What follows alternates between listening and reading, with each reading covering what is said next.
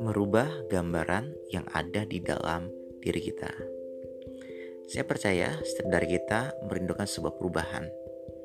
Setiap dari kita rindu mengalami perubahan dari hal-hal yang negatif menjadi sebuah kebiasaan-kebiasaan yang baik.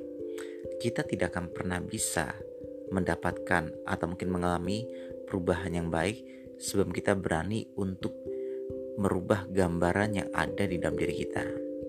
Sebelum kita mengenal identitas kita yang baru di dalam Kristus. Di dalam 2 Korintus 5 ayat 17 dikatakan seperti ini. Jadi siapa yang ada dalam Kristus, ia ada ciptaan yang baru. Yang lama sudah berlalu, sesungguhnya yang baru sudah datang. Tuhan memberikan sebuah identitas yang baru kepada kita.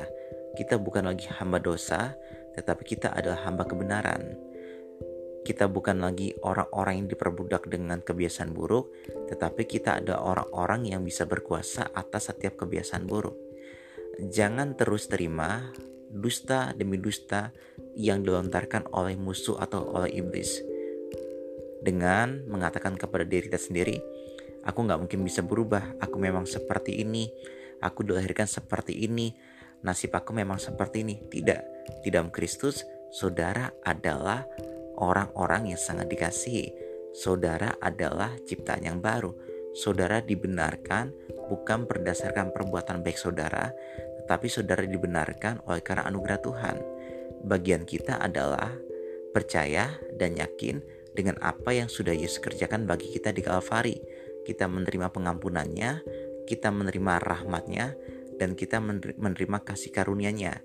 Dan ini adalah awal untuk kita bisa melihat kemerdekaan dalam kehidupan kita.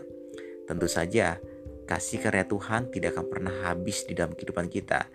Di kitab Ratapat mengatakan bahwa rahmat Tuhan, anugerah Tuhan itu selalu baru setiap pagi. Jadi saya dan saudara tidak akan pernah kekurangan rahmat Tuhan, kita tidak akan pernah kekurangan anugerah Tuhan. Jadi yang harus kita lakukan saat ini adalah merubah gambaran yang ada di dalam diri kita. Bagaimana caranya? Dengan memperkatakan kebenaran, dengan memperkatakan firman Tuhan.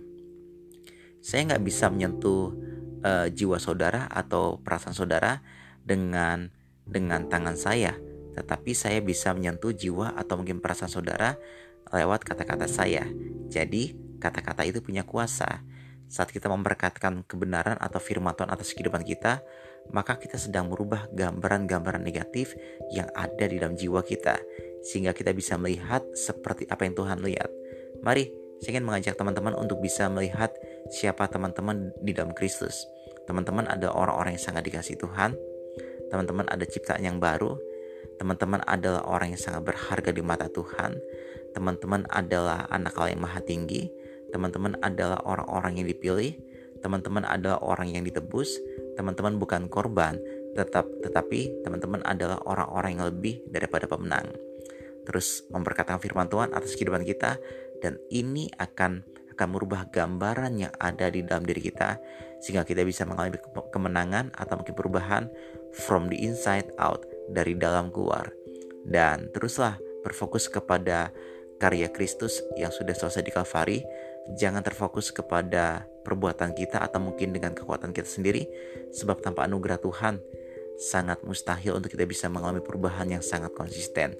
Tetapi puji Tuhan anugerah Tuhan uh, selalu setia mendampingi kita untuk mengalami perubahan dari waktu ke waktu. Saya berdoa uh, podcast kali ini bisa membantu kita untuk bisa merubah gambaran yang benar yang ada di dalam diri kita.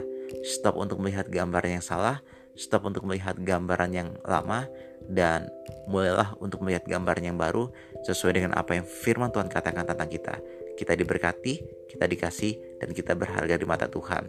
Sampai ketemu dalam podcast berikutnya. God bless you.